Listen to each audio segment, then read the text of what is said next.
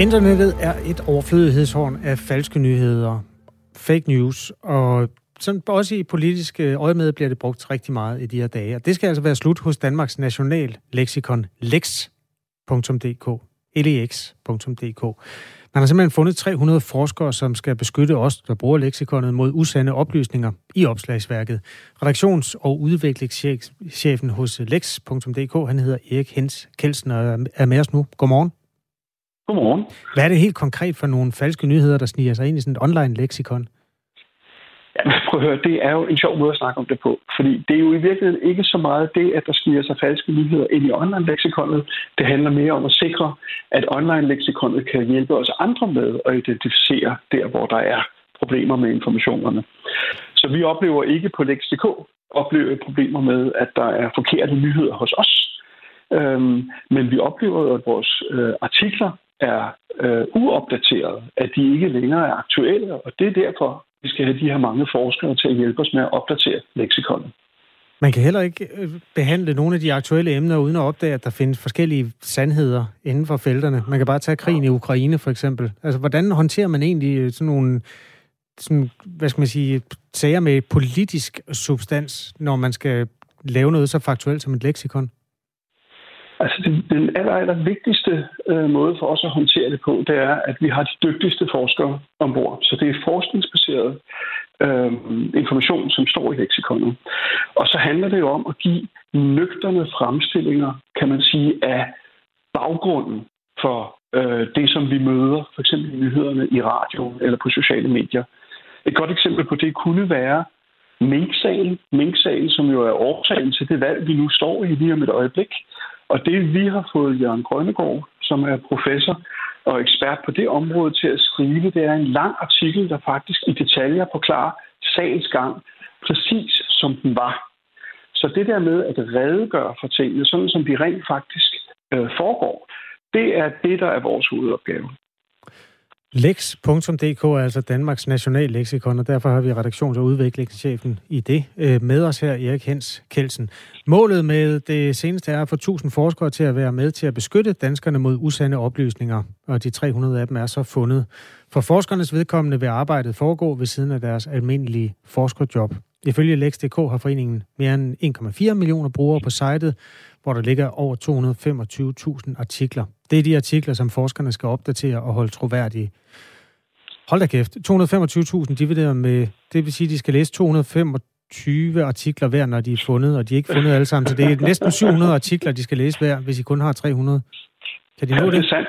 Og desværre så kan man jo ikke sætte 300 til at løse øh, 1000 mands opgave, fordi de er jo eksperter på hver deres område. Ej, det man kan sige, det er, at nogle områder er jo langt mere sårbare for, øh, for manglende opdateringer. Så vi har selvfølgelig fokuseret vores kræfter der først og fundet gode folk.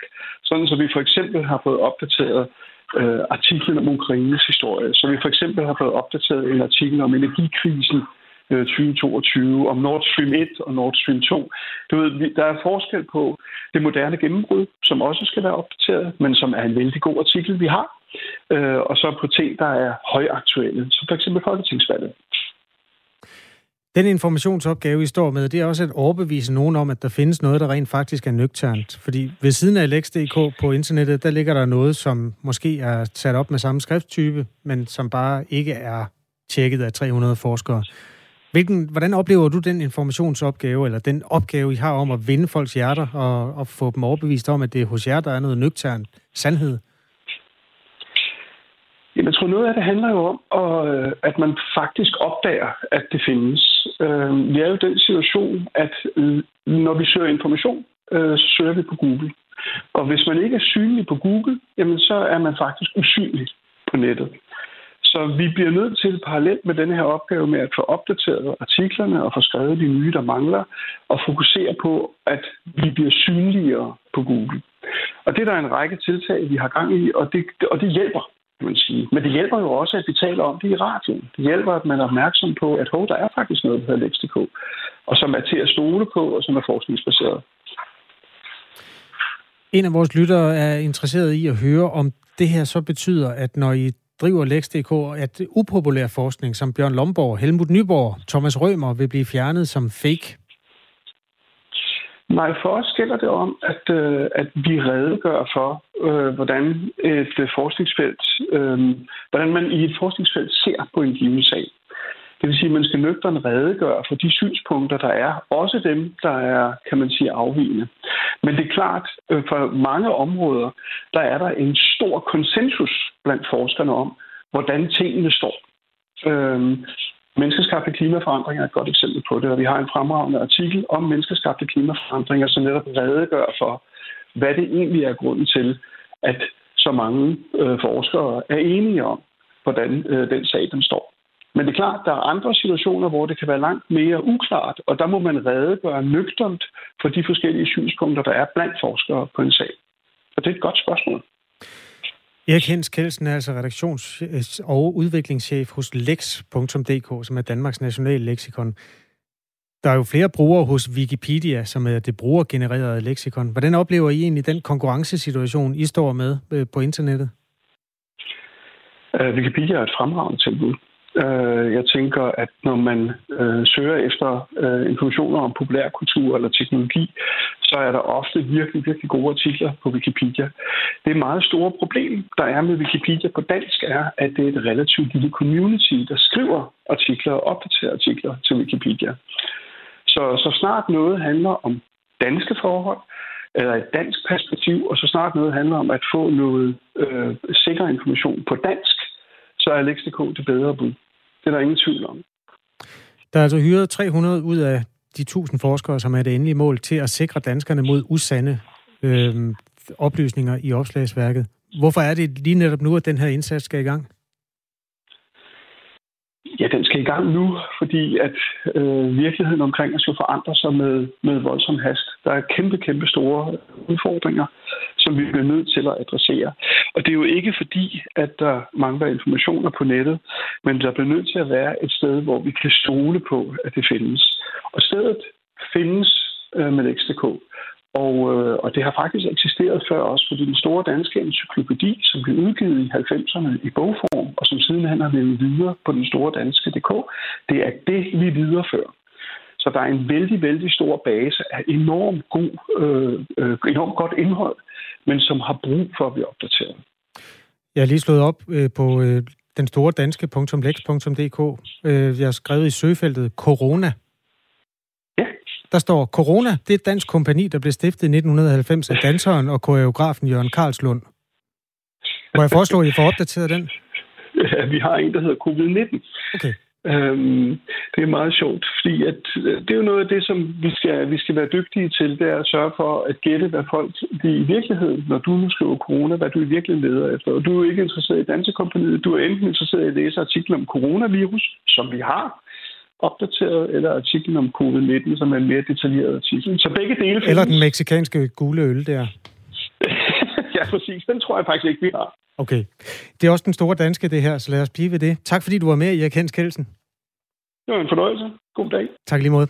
Redaktions- og udviklingschef på det her store, fine danske online leksikon. Inden vi går videre, så skal vi lige øh, kort mellemlande. Jeg tænker, vi mellemlander i USA. Fordi USA's præsident Joe Biden, han forsøger i et øh, interview at overbevise demokraterne og deres vælgere om, at han ikke er for gammel til at søge genvalg i 2024. Han er jo 79 år, og øh, er sådan set allerede den øh, ældste præsident i USA's historie. Og hvis han nu bliver genvalgt, og bliver hele perioden ud, så vil han være 86 år, når han er færdig på posten. Og han synes altså, PT er han ikke for gammel. Det synes han altså ikke. Han og så om to år er han slet ikke for gammel. Nej, nej, nej, nej, nej. Han har flere gange sagt, at han øh, agter at søge genvalg i 2024, selvom der jo sådan set er ret mange, der har, vi kan sige, rejst spørgsmålet om, at en yngre kandidat måske kunne være en god idé. Debatten blussede op øh, for et par uger siden, da Joe Biden henvendte sig til en kandidat i salen, som han omtalte, eller en, øh, ja, en politiker, som godt nok var død. Ja. Øhm. Og der er sket, altså, og der er tit fokus på Joe Biden, når han laver den der slags, øhm, hvad kan man sige, når der er så lidt omkring, lidt forvirring fra hans side. Og det sker relativt ofte, at man i tale sætter, hvordan øh, Joe Biden, han mm, ikke griber situationerne på den bedste måde. Han, rækker også, han har også engang rækket hånden ud for at give hånd til et menneske, som heller ikke øh, stod der. Øh, falder på sin cykel, efterspurgt en kvinde, som var død måneden før på et møde. Og det er jo alle sammen ting, der kan ske for mennesker i alle aldre, men øh, glemsomhed er jo en øh, aldersbetinget lidelse, og derfor er der nogen, der har stillet spørgsmålstegn ved, om den måske nogle steder dominerer øh, Joe Bidens øh, fremtræden i medierne i hvert fald. Under omstændigheder så sværger han altså, at øh, han vil være at finde på de amerikanske stemmesedler ja. om to år. Han siger, jeg er ved godt helbred. Alt det fysiske ved mig fungerer stadig godt. Også det mentale, siger Biden, som altså fylder 80 øh, år i næste måned. Det er et interview med tv-kanal, der hedder MSNBC. Det fortalte han til dem øh, i går. Og lad os, vi kan lige øh, kort inden vi runder af og går videre, så skal vi bare lige omkring min, min yndlingsudtalelse fra Joe Biden. Hmm? America is a nation that can be defined in a single word.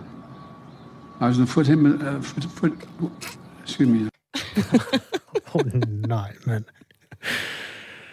Joe Nå. Biden, han er øh, ung nok til at klare endnu en øh, tur som øh, amerikansk præsident. Ja. Hos Forbrugerombudsmanden er der travlt. Faktisk er der så travlt, at man siden 2016 har været nødt til at afvise og behandle mellem 20 og 25 procent af de klager, som danske forbrugere indsender for at få hjælp. I 2019 der nedlagde Forbrugerombudsmanden af ressourcemæssige årsager sin telefonlinje, og de sidste to uger har, to år undskyld, har forbrugerombudsmanden så modtaget flere klager end nogensinde før. Men øh, det ved du jo alt om. Christina Toftegård Nielsen, godmorgen. Godmorgen. Du er forbrugerombudsmand. Hvorfor er I nødt til at afvise så stor en del af de klager, I får? Vi får, øh, vi får langt flere klager, end vi kan behandle. Og jeg vil sige, det er nu ikke noget nyt. Sådan har det, sådan har det altid været. Men øh, i dag afviser vi selvfølgelig flere, end vi har gjort tidligere, fordi vi modtager flere klager. Ja, I, modtager, øh, I har modtaget 8.106 øh, klager sidste år hos Forbrugerombudsmanden, og I måtte afvise 1.880 øh, af dem. Hvordan føles det at skulle afvise så stor en andel? Jamen, Jeg vil sige, det at, øh, det at undlade at behandle øh, klager, altså ikke at tage sager op, som vi kalder det, mod virksomheder. Det er sådan set det sværeste ved at være forbrugerombudsmanden. At prioritere, hvilke, hvilke problemstillinger skal vi behandle, og hvilke skal vi ikke behandle. Og det skyldes, at øh, langt de fleste klager, altså jeg vil sige slag på tasken omkring 90 procent, øhm, og det er altså ikke noget, vi har tal for, men mit, min, mit skøn, som man siger, de er faktisk øh, velbegrundet, når vi læser dem. Altså, der ville være noget, vi godt ville undersøge. Men, øh, men det har vi ikke ressourcer til. Jeg skal skynde mig at sige, at det er sådan set også forudset. Altså efter loven, der har vi adgang til at prioritere, hvilke sager vi skal tage op. Så øh, det har man øh, tænkt på, da man lavede øh, forbrugerombudsmandsinstitutionen, at der skulle være den her prioriteringsadgang, som jo bestemt også er rigtig at have. Mm.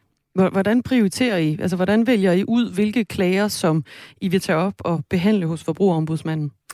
Der vurderer vi, hvilke sager, der har størst betydning for forbrugerbeskyttelsen, altså for forbrugerne. Hvor mange har klaget, og øh, hvor udbredt er det her forretningskoncept? Øh, hvilken betydning får det i fremtiden? Som eksempel kan jeg sige, at vi jo modtog få klager over, at der bliver reserveret beløb på vores konti, når vi køber varer på nettet, eller når vi tanker benzin, så bliver der øh, tanket et, et beløb. Nej, undskyld, så bliver der reserveret et beløb på vores konti, som vi så ikke kan disponere over.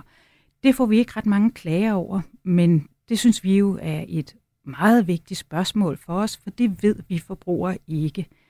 Hvis vi så går i netto bagefter, efter at have tanket benzin, jamen så ved vi ikke, hvorfor vores kort bliver afvist. Men det er så fordi, der er sket fejl i systemet, så den her reservation ikke er blevet øh, løftet, når vi betaler for benzinen, for mm. eksempel. Vi har talt med Marie Frank Nielsen, som er jurist i Forbrugerrådet Tænk. Og ifølge hende så betyder øh, de manglende ressourcer både, at flere forbrugere bliver vildledt, og også at virksomheder de kan gå under radaren. Vi skal lige høre et øh, klip med hende her. Når der ikke er ressourcer nok til at kunne behandle alle de klager, der kommer ind, så vil der være en masse overtrædelser af markedsføringsloven, som ikke bliver fanget. Og det gør altså, at der er en række forbrugere derude, som kan blive vildledt af forskellige markedsføring, og dermed komme til at træffe nogle valg, som de ellers ikke ville have truffet. Og det synes vi er et stort problem. Christina Toftegård Nielsen, forbrugerombudsmand. Er du enig med Forbrugerrådet Tænk i, at det er konsekvenserne af, at I mangler ressourcer? Altså konsekvenserne af, at øh, der er problemstillinger, vi ikke kan behandle, øh, det er naturligvis, at, at så fortsætter de jo sådan set. Øhm, så ja, det kan jeg jo ikke, øh, det kan jeg ikke svare andet til. Jeg må så skynde mig at sige, at al lovgivning er jo sådan set baseret på frivillig efterlevelse, også for eksempel færdselsloven, ikke? Emi Olsen, hun er en af dem, som har oplevet at få en øh, afvisning fra forbrugerombudsmandens side på øh, to klager, og hun siger sådan her. Forbrugerombudsmanden er jo min advokat, hvis man kan sige det sådan. Øh, og jeg sidder og er håbefuld omkring, at han eller hun kan hjælpe mig, og at det så tager måske 20 dage, før jeg får svar. Øhm, og der så at, at svaret så er, jamen vi kan ikke hjælpe dig. Det er jo, det er jo super ærgerligt, og det er super irriterende. Så så har man siddet der øh, med forventningerne højt oppe, øh, for så alligevel få at vide, jamen det er bare ærgerligt, du kan ikke gøre noget. Hvordan føles det at måtte afvise en forbruger, som for eksempel Emi Olsen, som havde regnet med, at du kunne hjælpe? Jamen, øh, som jeg sagde, det er, det er sådan set øh, det sværeste som forbrugerombudsmand. Det er at, at prioritere og måtte sige, det her, det har vi ikke, øh, det har vi ikke tid til. Jeg har, jeg har stor forståelse for, at det er frustrerende som forbruger, når man har brugt kræfter på at klage til os. Og de klager er vi jo meget, meget glade for at få under alle omstændigheder, fordi øh, det hjælper os i vores prioritering. Ellers ville vi ikke kunne prioritere rigtigt, hvis ikke der var forbrugere, øh, som altså tog tid til det. Hvordan vil I kunne gøre det bedre fra øh, forbrugerombudsmands side? Ja, altså man, man drømmer jo altid om at arbejde hurtigere, øh, så, men, men umiddelbart, øh, umiddelbart har jeg ikke nogen gode svar på det. Mm. Øhm, vi har været omkring det her med, hvad der skal til, før du tager en sag op. Øh, hvad, har I nogle definitioner på, hvad der gør en, ikke måske god sag, men en sag, I har lyst til at tage op? Hvad er definitionerne på det? Øh, det er, at, at øh, sagen vedrørende en problemstilling, som berører mange forbrugere. Altså, øh, der er mange eksempler på det.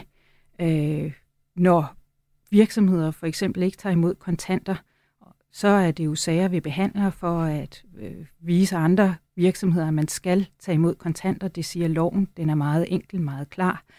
Hvis vi får øh, klager over øh, Black Friday-rabatter, øh, der viser sig ikke at være rigtige, jamen det er også en væsentlig problemstilling at tage op. Skjult reklame, skjulte abonnementer osv. I har ikke sådan en konkret øh, tal på, altså der skal være øh, tre personer, der har klaget over i samme firma eller samme produkt, før I vil bruge ressourcer og gå ind i sagen?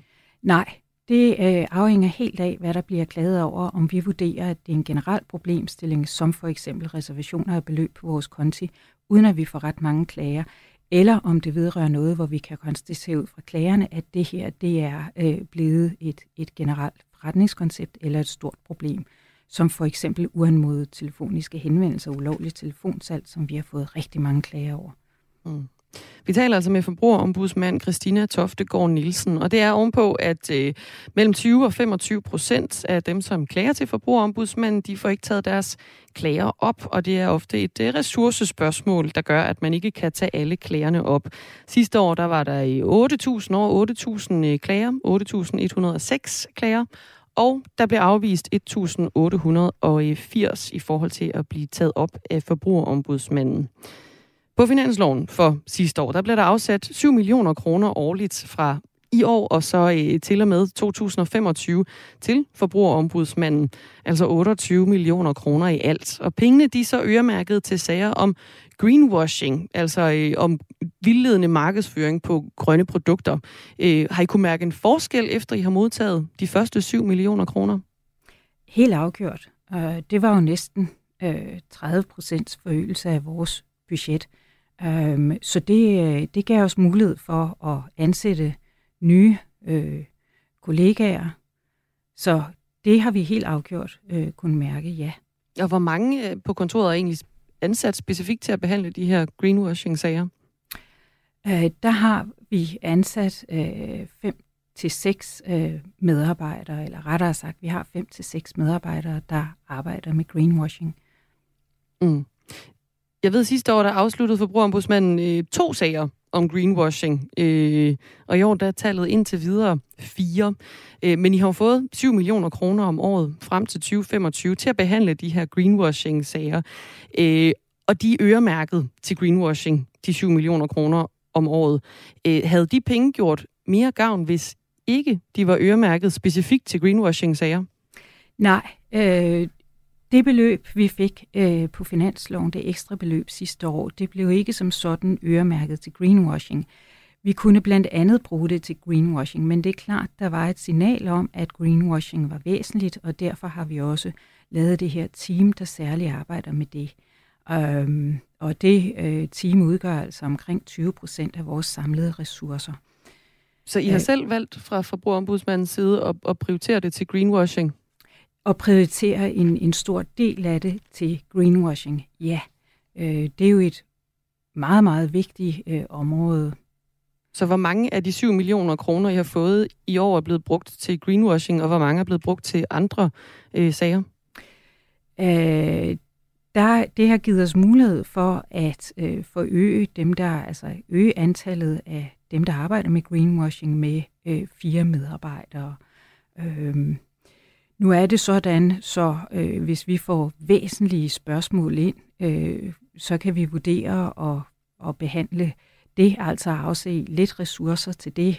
Et område som for eksempel energiområdet har jo fået øget betydning inden for det sidste års tid. Der bruger vi så lidt flere kræfter på det øh, også.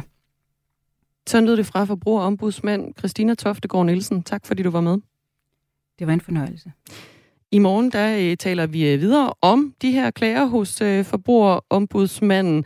Der har vi øh, enhedslistens miljøordfører Peter Velblund med for at tale mere om de her øh, greenwashing-millioner, som forbrugerombudsmanden har fået.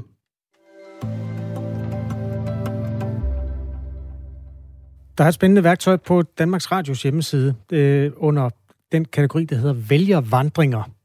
Det lyder som sådan en, et gammelt optog, men det er altså et udtryk for de mennesker, der satte deres kryds et sted sidste gang, som ja. man jo skal, når der er folketingsvalg. Hvor sætter de det nu? Man skal ikke, men det ville da være pænt, hvis man gjorde. Ja, tre ud af fire gør det i hvert fald, og gjorde det i 2019.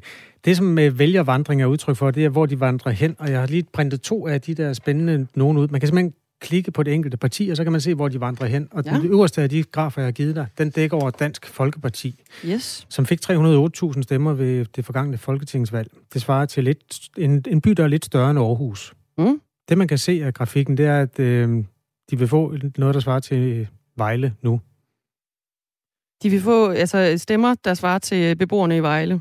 Ja, altså det, som det viser, det er, hvis du nu siger, at der var 100 procent af deres vælgere, der stemte på dem mm. sidste gang, så er der 19 procent tilbage nu. Ja, ja, og så kan man faktisk se her også, hvor vælgerne de så vandrede hen.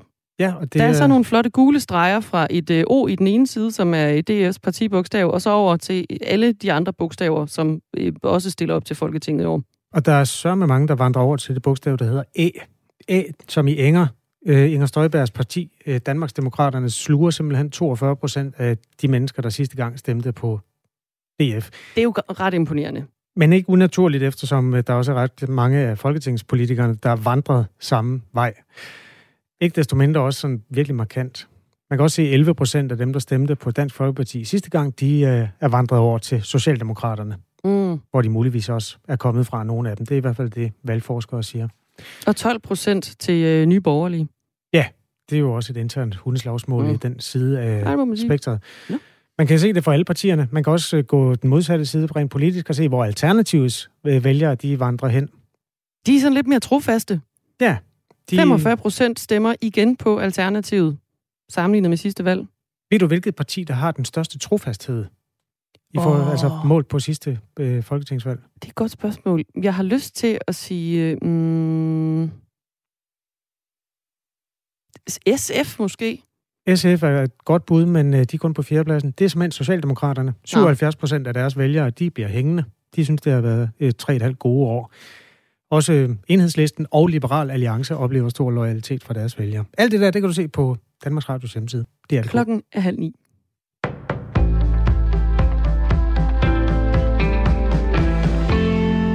Den 22-årige formodede gerningsmand til skyderiet i Fields den 3. juli blev afvist i et specialiseret psykiatrisk tilbud. Det fremgår af en kortlægning af den formodede gerningsmands forløb, som TV2 har lavet i samarbejde med mediet Frihedsbrevet. Region Hovedstaden har selv iværksat en undersøgelse af, om skyderiet kunne have været undgået med et anderledes forløb i psykiatrien. Men grænskningen viser, at man ikke kan pege på en enkelt årsag til skyderiet, sådan lød det på et pressemøde for nyligt. Sydkorea har affyret varslingsskud mod et nordkoreansk skib, fordi skibet angiveligt havde krydset en maritim grænse. Det oplyser det sydkoreanske nyhedsbureau Yonhap ifølge nyhedsbureauet AFP. Skibet har angiveligt krydset den del af grænsen, der er kendt som den nordlige grænselinje, men trak sig tilbage nordpå efter varslingsskuddene. Yonhap skriver, at det nordkoreanske militær har oplyst, at et sydkoreansk skib få minutter efter trængte ind over grænsen. Det nordkoreanske militær affyrede 10 varslingsskud som svar på det, skriver det sydkoreanske nyhedsbureau. Den dårligt markerede grænse ud for den koreanske halvøse vestkyst har været genstand for en række sammenstød mellem de to lande. Blandt andet to angreb i 2010, hvor 50 sydkoreanere mistede livet, skriver nyhedsbureauet AP. USA's præsident Joe Biden forsøger i et interview at overbevise demokraternes vælgere om, at han ikke er for gammel til at søge genvalg i 2024. Thomas Sand fortæller. Den 79-årige Biden er allerede den ældste præsident i USA's historie, og hvis han bliver genvalgt og bliver hele perioden ud, vil han være 86 år, når han er færdig på posten. Biden har flere gange sagt, at han agter at søge genvalg i 2024, selvom mange i hans parti har rejst spørgsmålet, om ikke en yngre kandidat vil være foretrække. Men demokraterne har intet at bekymre sig om, forsikrer Biden. Folk skal vurdere ham på baggrund af hans energiniveau, ikke hans alder, siger Biden.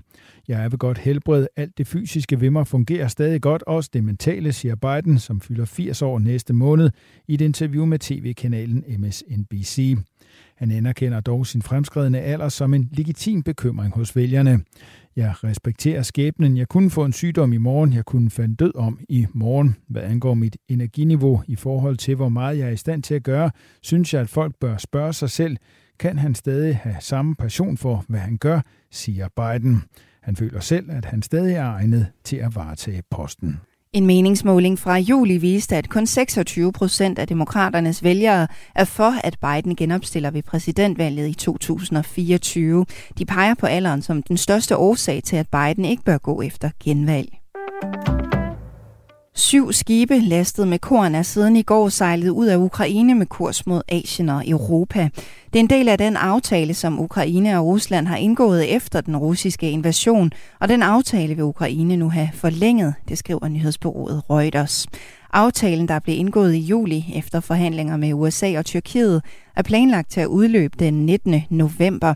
Men selvom aftalen har sikret forsyningen af hvede til store dele af verden, så beskylder Ukraine Rusland for at forhindre en effektiv hvedeeksport fra ukrainske havne.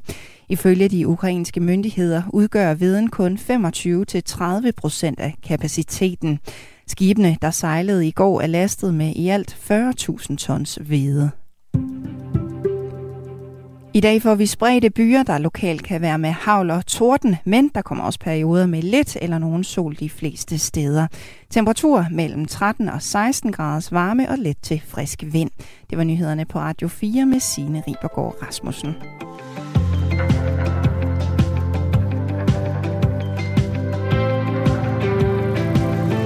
Det er mere spændende at se på partiernes vandring end vælgernes. Hvor blev fredspartierne af, og er Venstre landbrugets parti i dag? Spørg vores lytter Tommy, der åbenbart hørt med før nyhederne, hvor jeg beskrev de der øh, virtuelle grafikker, der ligger på deres hjemmeside, hvor man kan se, hvordan partiernes vælgere fra sidste gang, de er placeret forskellige steder hen. Øhm, der vil jeg faktisk sige, øh, Tommy, at øh, Kranjebrud laver nogle fine historiske programmer øh, på de tre store partier, eller de partier, der stiller med en statsministerkandidat. Og der kan du følge, hvordan for eksempel det seneste, jeg hørte det lige i går, om konservative, hvordan de vandrede fra at være sådan et øh, ret øh, meget velhaverparti til at gå på strandhugs blandt de vælgere, der var øh, der havde arbejde og sådan også øh, ikke arbejderklassen, men jamen, alt det der, det er ridset rigtig fint op i øh, nogle af de udsendelser, der hedder Kranjebrud, som vi laver her på Radio 4. Så øh, samle op der, inden du skal sætte kryds, og der er jo altså kun otte dage til. Og nu vi er ved øh, politik og partier, så lad os øh, dykke direkte ned i den igangværende valgkamp.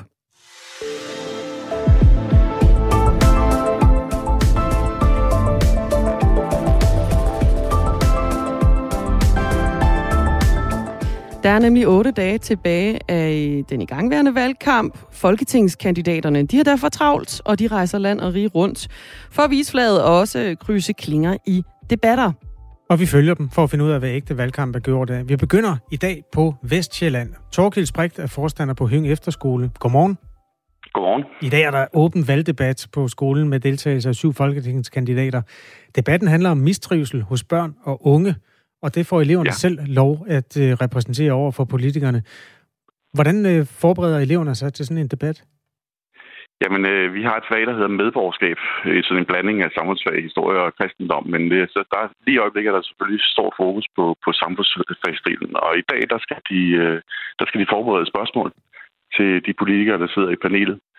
Øh, så de er godt velforberedt øh, til at kunne stille nogle kvalificerede spørgsmål. Det er jo dem, der er børn og unge, og dermed dem, der har noget mistrivsel at fortælle om. Hvordan har I forberedt dem på, at de skal give udtryk for det? Jamen, øh, de, øh, de får et fælles oplæg her i formiddag, øh, og så skal de arbejde med det her i sådan mindre grupper og, og prøve at, at fritte politikerne for, hvad de tænker, de kan gøre for, at, at de får det bedre. Man kan sige, at øh, der har været øh, to år med corona her. Det har vi alle sammen oplevet. Øh, de er særligt hårdt ramt, fordi de har været hjemsendt øh, i lange perioder øh, uden kontakt til deres øh, kammerater. Og, øh, men man kan, ikke, man kan ikke alene give coronaskylden for, øh, for børn og unges mistrivsel. Øh, der er jo en, en øh, lige udgivet en VIVE-rapport, en, en rigtig stor undersøgelse øh, blandt øh, unge, der siger, at 44 procent af af alle unge mellem 16 og 25 år, de er i mistrivsel. Så, øh, så det er jo over flere år, at det har, øh, har været sådan. Det er sikkert første gang, de fleste af dem står over for en politiker. Hvad vil I gerne have ud af den debat? Ja, vi vil gerne have, at de møder øh, politikerne i øjenhøjde og, øh, og ser, at, øh, at det faktisk er nogen, man kan snakke med. Det er ikke bare nogen, der sidder inde på, på Christiansborg og, og bestemmer det hele. Øh, men at de faktisk også øh, ser dem i øjnene og, øh, og får stillet dem de spørgsmål, som de øh, går og, og øh, lægger inde med. Øh, så ja, det er det primært, øh, vi vil, vil have ud af det. Og så også en, øh, det, det med, at, at øh, folkestyret, det, øh, det faktisk øh, det fungerer. Øh, demokratiet fungerer. Så, øh, så det er det, vi, ja, det er det, vi arbejder på her. God fornøjelse, og tak til dig, Torvild Sprigt. Tak skal du have. Forstander på Hønge Efterskole på Vestjylland. Og så skal vi videre til Sønderjylland.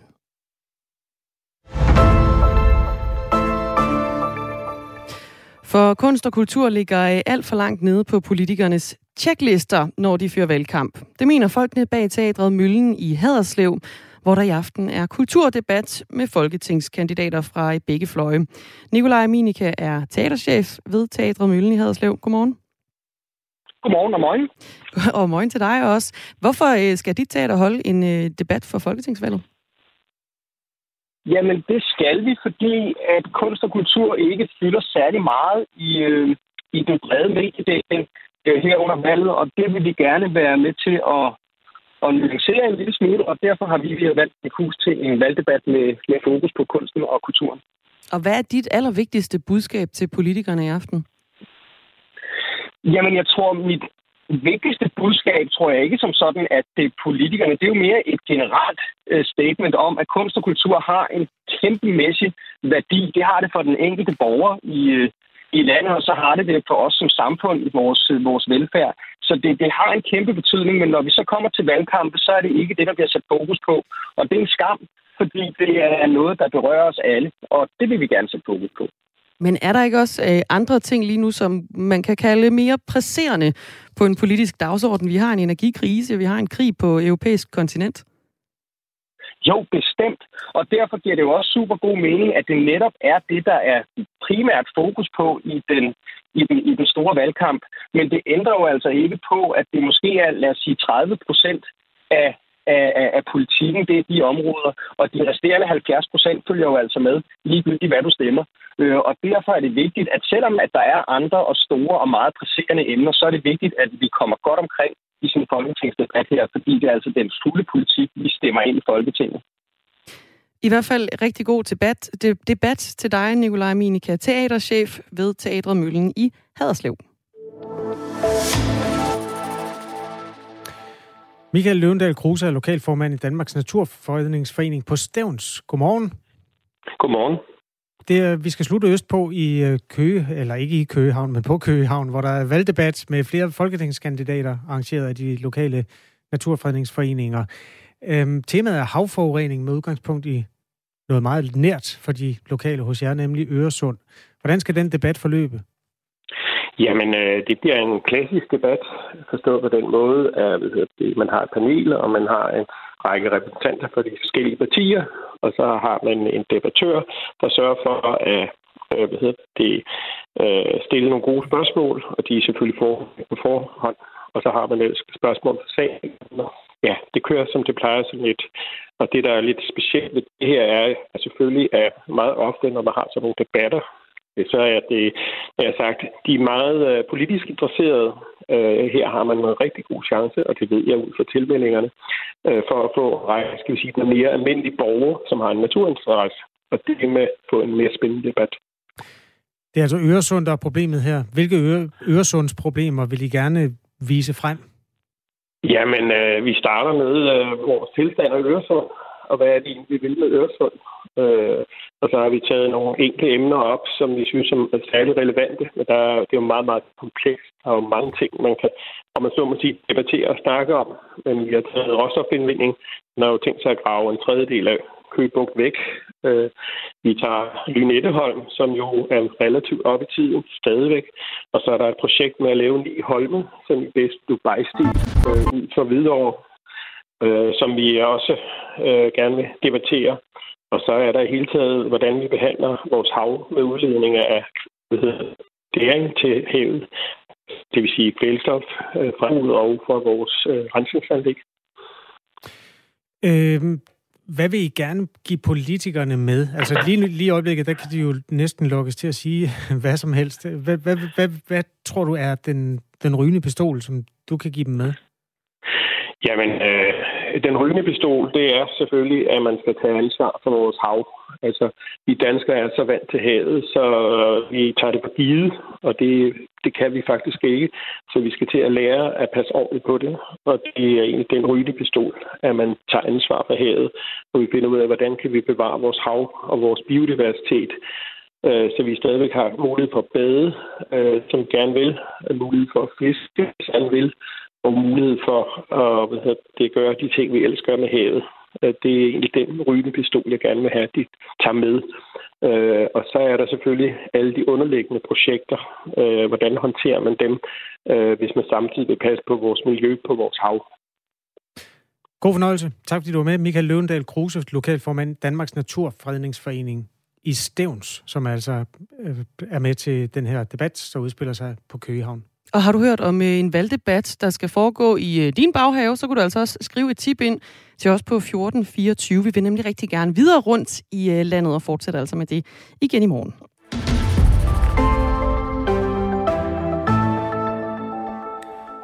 Der skal findes flere penge til det danske forsvar, og helst hurtigt.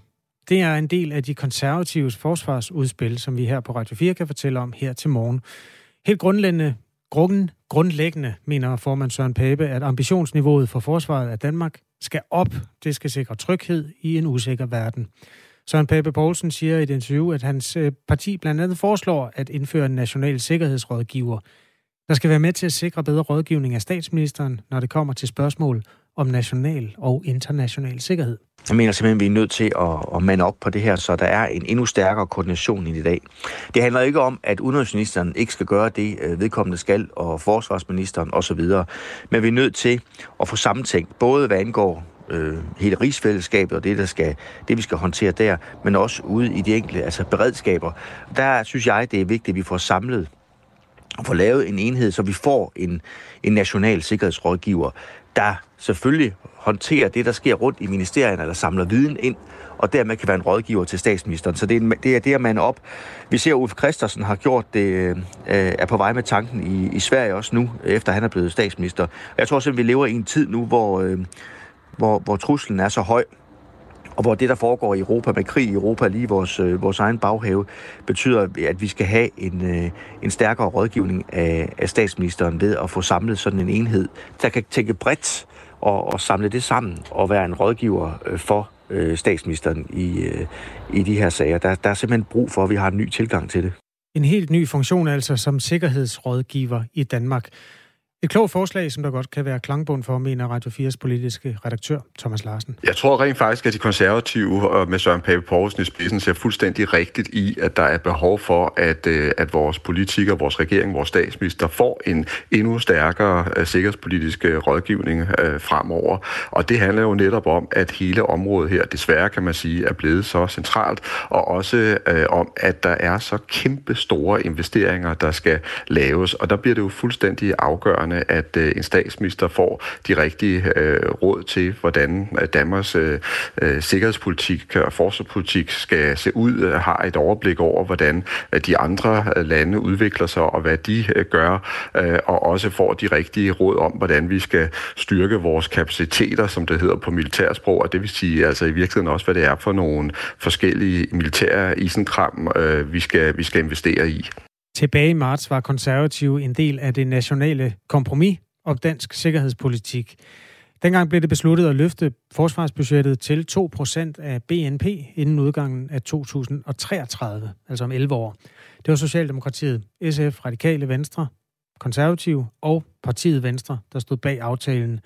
Og selvom den ikke engang er syv måneder gammel, vil Søren Pape Poulsen altså nu kigge på kompromiset igen for at se, om et, der skal flere penge til, og to, om det skal ske lidt hurtigere. Og det kræver jo, det siger næsten sig selv, at vi kommer til at diskutere øh, forlig ret hurtigt, men vi også kommer til at genbesøge, kan det forlig, vi lavede, eller det kompromis, vi lavede om Danmarks forsvars- og sikkerhedspolitik, hold, hænger det sammen? Er det nok med de 2 procent? Det må vi diskutere, men også om vi skal nå det før. Og hvis vi skal det, så er vi jo nødt til at sætte os ned og diskutere, hvordan skal økonomien så hænge sammen i det. Og derfor er det noget, det er jo ikke noget, vi kan klare hu hej. Det er noget, vi er nødt til at sætte os ned, når der er dannet regering, og få sat øh, turbo på øh, lige med det samme, fordi øh, det haster. Øh, Forsvarsalliancen øh, skriger jo på, at alle landene leverer det, de øh, skal, og vi er bagefter. Og det er enormt ambitiøst med 2% af BNP øh, at sende dem til forsvaret før 2033. Og det er jo også en stor opgave at få genforhandlet det nationale kompromis. Mener Thomas Larsen, politisk redaktør her på kanalen. Det vil være en udfordring at nå op på de 2% inden 2033, og det er klart, det vil blive en rigtig, rigtig stor udfordring også at skulle finde endnu flere penge, hvis det bliver øh, nødvendigt. Og hvis man skal sige det sådan ganske kort, så er det jo sådan, at når man når op på øh, i Danmark og nå de øh, 2% af BNP på forsvaret i 2033, så taler vi altså faktisk om 18 milliarder kroner ekstra om forsvaret, ikke? altså ekstra til forsvaret om året hvert år. Så det er enormt mange penge, vi taler om. Og konservative var jo altså med i det øh, her nationale kompromis. Vi vil også gerne have talt med de andre partier, der står bag, om de kan nikke til noget af det, der ligger i det konservative udspil. Så vi har kontaktet dem. Øh, Socialdemokraterne vil sådan set øh, gerne, men ikke inden klokken 9. Og Radio 4 morgen slutter klokken 9, så det lader sig altså ikke gøre. SF og Venstre har vi ikke hørt fra endnu. Men øh, det er altså et øh, konservativt udspil her otte dage før Folketingsvalget.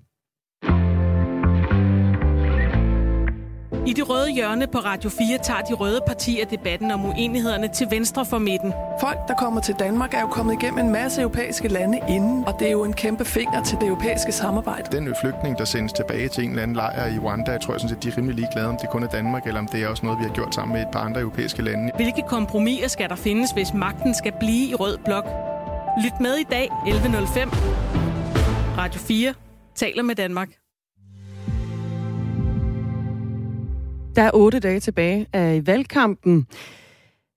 Men hvem skal egentlig nå hvad? Det skal vi vende med Benny Damsgaard, der er tidligere kommunikationschef for Konservative og velkommentator for Radio 4 her under valget. Godmorgen, Benny Damsgaard.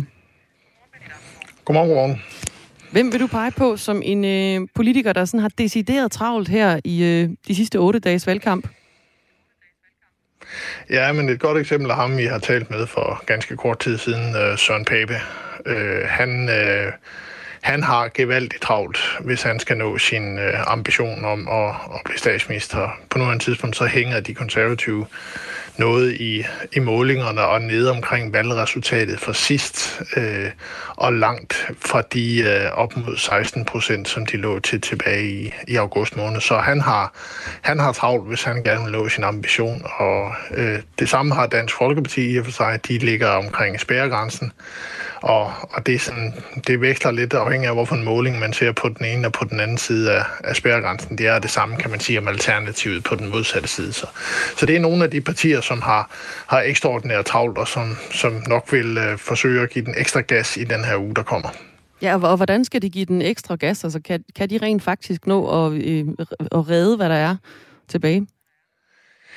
Ja, altså øh, et godt eksempel er jo i og sig, at det Pape gør nu, kommer med noget øh, politik, som skiller det konservative folkeparti ud fra de, de andre partier. Øh, nu er det så med, med forsvarspolitikken i dag, og, og det det forslag, som de kommer med, er jo også, altså det er jo sådan et, et, et, et, et klassisk øh, sidste øjebliks forslag i en valgkamp, hvor man, hvor man skruer op for noget økonomi, øh, øh, og ikke spekulerer så voldsomt meget på, om det kan lade sig gøre i virkeligheden, men, men man kommer ud med en, en melding, som, øh, som skal differentiere partiet fra andre, og forhåbentlig, sådan ser man i hvert fald selv på det, tiltrække nogle, nogle borgerlige vælgere, som er lidt utilfredse med, hvor, øh, hvor ambitiøst, eller nogen vil kalde det mangel på ambitiøst, man er på, øh, på forsvarsområdet. Så det er sådan meget klassisk, især for et konservativt parti, at mene noget om, om, om forsvar. Ikke?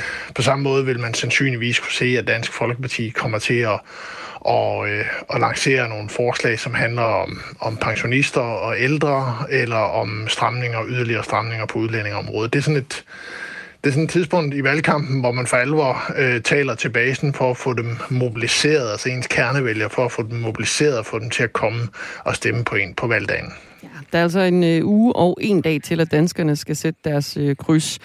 Folketingsvalget, som ligger 1. november i år, er, en øh, af, er af politiske øh, kommentatorer blevet udråbt til det mest spændende valg i nyere tid. Er det stadigvæk det mest spændende valg i øh, nyere tid, set fra din stol, Benny Damsgaard? Det, det er sådan noget, man næsten siger hver gang. Øh, fordi øh, danske valg øh, er øh, historisk set øh, altid tætte. Altså de to blokke står relativt tæt over for hinanden hver gang. Så, øh, så det er ikke mange procent, der skal flyttes til den ene eller til den anden side. Men det skal dog siges, at den her gang øh, ser det ud til, hvis man kigger lidt nærmere i, i de målinger, der er lavet, at der er øh, flere, der ikke har bestemt sig, altså flere vælgere, der ikke har bestemt sig end normalt. Og øh, måske helt op på til 40 procent af vælgerne har endnu ikke besluttet, hvor de vil øh, sætte deres kryds. Og det gør jo også, at der jo er, for alvor er, er noget at, at slås efter, øh, også for den borgerlige side, som på nuværende tidspunkt jo generelt øh, hæ, hænger noget efter, altså hænger noget i bremsen og, og er efter Omvendt er det jo også noget at forsvare for de partier, som det går godt for. Et, et parti som for eksempel Moderaterne, som jo på nuværende tidspunkt med Lars Lykke i spidsen, står til et, et, næsten helt fantastisk valg. Det er, det er en vanskelig position så kort tid inden et valg at forsvare så stor en, en føring, fordi alle vil slå på en, og det er man gået godt i gang med, når det handler om Lars Lykke Rasmussen. Mm. Det er cirka 46 procent af vælgerne, som har tilkendegivet, at de vil stemme på et andet parti end, øh, end sidst. Det viser en analyse af meningsmålinger, som øh, Kasper Møller Hansen fra Københavns Universitet har øh, udfærdiget. Han er professor ved Institut for Statskundskab. Så øh, nu har vi ligesom været omkring, hvem der øh, mangler, kan man sige, en, øh, en del for at øh, overbevise vælgerne om at sætte kryds hos dem. Men hvad med dem, som måske bare lige mangler det sidste. Hvad for en politiker er det, der mangler lige det aller sidste for at få, få overbevist øh, vælgerne for, om at sætte et kryds hos dem?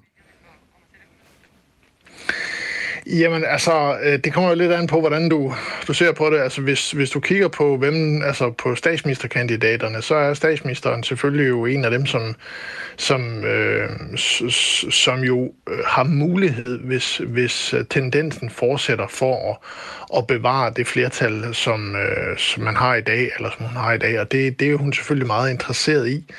Øh, og, øh, og det er ikke mange tusind vælgere, der skal, der skal overbevises. Så altså, generelt vil jeg bare sige, at den sidste, de sidste otte dage her blev en lang sprint for alle partierne. Der er nogen, der skal løbe hurtigere end andre, men det er ikke sådan, at nogen kan sidde vel tilfreds tilbage og så sige, at det her skal nok gå alt sammen. Netop fordi det, der i år er så relativt mange øh, ubeslutsomme, øh, eller vælgere, som ikke har besluttet sig endnu.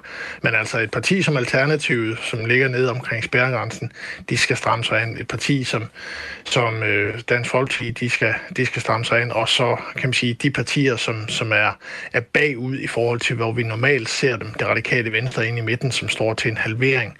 Det konservative Folkeparti, som, som står til øh, slet ikke det valgresultat, man så tilbage i, i august måned. Så det er, øh, altså, Ja, det er et historisk spændende valg, som det jo altid er, men, men altså, det, øh, man skal huske, når man kigger på, hvor mange der ikke har besluttet sig, så plejer de sådan cirka at fordele sig 50-50. Der kan være en procent op eller en procent ned, men det er sjældent, at der kommer et jordskred til den ene eller til den anden side. Lad os lige komme omkring Inger Støjberg og hendes parti Danmarksdemokraterne. De har øhm, jo mistet sådan lidt momentum hen over øh, valgkampen. De stod til omkring 10 procent, da partiet blev dannet i meningsmålingerne, men i den seneste voksmetermåling, der står de til 7,4 procent. Hvad skal Inger Støjberg gøre for at vinde øh, de her øh, procenter tilbage? Ja, altså, det, øh, altså generelt er det jo sådan, at så sent i valgkampe, øh, så sent i en valgkamp, som vi er nu, og det gælder Inger Støjberg og også andre partier, så er det, så, så, er det, altså, så er det meget svært at lave meget store udsving i, i målingerne. Altså, der, der kan man rykke det måske en procent øh, op og ned, øh, men, men det er sjældent, at man sådan for alvor kan, kan ryste posen. Men altså, Inger Støjbergs primære problem er, at hun i dag, øh, til forskel fra, fra før valget, hvor det så ud til, at før valgkampen gik i gang, hvor det så ud til, at der blev et blot flertalszone, hun, hendes stemme vil være afgørende for, hvem der i givet fald kunne blive blå statsminister. Det scenarie ser vi slet ikke ind i nu, så hun er i bund og grund politisk uinteressant, sådan sagt lidt hårdt. Og så lider hun også, øh, så, så det giver ikke særlig meget omtale, og så lider hun også af det, den udfordring, at hun har ikke særlig meget politik på hylderne. Altså, mm. det er et nystart øh, stiftet parti, som er, som er bygget op omkring Inger Støjberg, og derfor har hun ikke særlig meget politik på, på hylderne, og det bliver altid et problem i slutningen af en valgkamp, fordi der bliver sat fokus på det. Hun kommer under pres, og hun står lidt, lidt afklædt tilbage. Så, så jeg vil sige, det, jeg tror, hun skal være glad for, hvis hun lander omkring de der 7 procent. Hun har stået noget lavere i, i flere målinger, så det skal hun nok være glad for. Det er også et, først, et flot førstegangsvalg, men, men måske ikke helt på det niveau, som de havde håbet på, da de gik i gang med projektet. Men hun kommer i Folketinget. Der er i hvert fald øh, flere meningsmålinger, der peger i, øh, i den retning, må man sige. Men er der nogen, øh, afslutningsvis, Benny Damsgaard, et parti, et, en person, som kan slappe fuldstændig af her i øh, valgkampen sidste otte dage? Nej, det er der i og for sig ikke. Men jeg vil sige, at der er nogen, der kan, der kan se, øh, se, se, se ind i den sidste uge her med, med mere ro i sindet end andre. Altså en øh, Alex øh, Vandopslag for fra øh, Liberal Alliance står til at få et meget, meget, meget fint valg. Og på trods af, at der har været en række sager øh, omkring hans private boligforhold, hvor, hvor han har, virker det i hvert fald som om på den dækning, der har været i medierne, har fået øh, udbetalt eller fået øh, en, en gratis lejlighed fra Folketinget på et uberettet grundlag og så videre. En masse andre ting i den stil. Øh, det er altså... Øh, det er ikke noget, der ser ud til at, at gå ud over hans meningsmålinger. En af forklaringerne på det kan være, at vandopslag for mange unge vælgere. Øh, altså LA står til at få rigtig mange unge vælgere det her, det her år. Og deres medieforbrug er måske ikke helt lige så øh, almindeligt som, som, som os, der er lidt oppe i årene relativt set. Øh, så, så det kan være, at de ikke helt har fulgt med i de her sager, men bare ser, at han er rigtig god på TikTok. Uanset hvad, han står til at få et rigtig flot valg, og han kan nok have relativt ro i sindet her den sidste uge inden øh, valgdagen. Så lød det fra Benny Damsgaard, der er tidligere kommunikationschef for Konservative og også valgkommentator for Radio 4 her under øh, valget. Og det er altså en valgkamp, der er i fuld gang med otte dage tilbage. Ja, meget tilspidset. Vi øh, skal nok holde dig opdateret, når der sker noget nyt. Der er tre timers nyhedsmagasin hver eneste morgen, alle hverdage her på Radio 4, og nu har vi 40 sekunder tilbage. Har du noget til bunden af nyhedspunkten, Dommer? Åh, det... Nej, vi når det ikke. Okay. Det bliver en uh, anden gang, vi en får den bunden af nyhedspunkt. Det kan være, vi når den i morgen. Okay. Jeg kan sige så meget, det handler om uh, kunst og kartoffelmos. Og mere kan du ikke nå at fortælle. Du har 26. 26 sekunder. Du det, bruger dem dumt, Dagmar. Jeg bruger dem helt vildt dumt. Farvel. Ved du hvad? øh, der er ring til Radio 4 om et øjeblik. Jakob Engel Schmidt stiller op øh, til Folketingsvalget for Moderaterne. også kendt som Lars Løkke Rasmussens parti, men altså også en mand med folketingserfaring. Han er med i Ring til partierne her på kanalen, og det udspiller sig om fem minutter. Klokken er ni. Nyheder. Ja, klokken er ni.